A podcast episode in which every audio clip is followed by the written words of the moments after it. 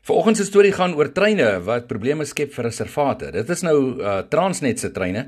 Steenkool en goedere treine het die laaste ruk ook 'n spoor van dood en lyding in minstens 2 wildreservate in die noorde van uh, KwaZulu-Natal agtergelaat, terwyl hulle ook suidwaarts na die Richards Bay hawe jag.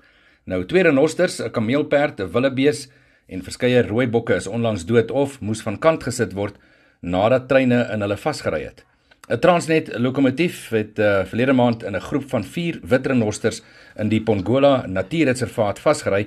Twee is dood en 'n derde is ernstig beseer. Die uh, vierde renoster het ook verdwyn en sy lot is nog nie bekend nie.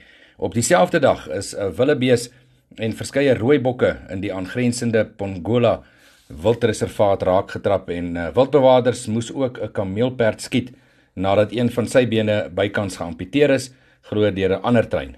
Reservaatbestuurders het dan ook 'n beroep op Transnet gedoen om te verseker dat lokomotiefbestuurders stadiger ry wanneer hulle deur hierdie reservate beweeg. Hm, nie goeie nuus nie.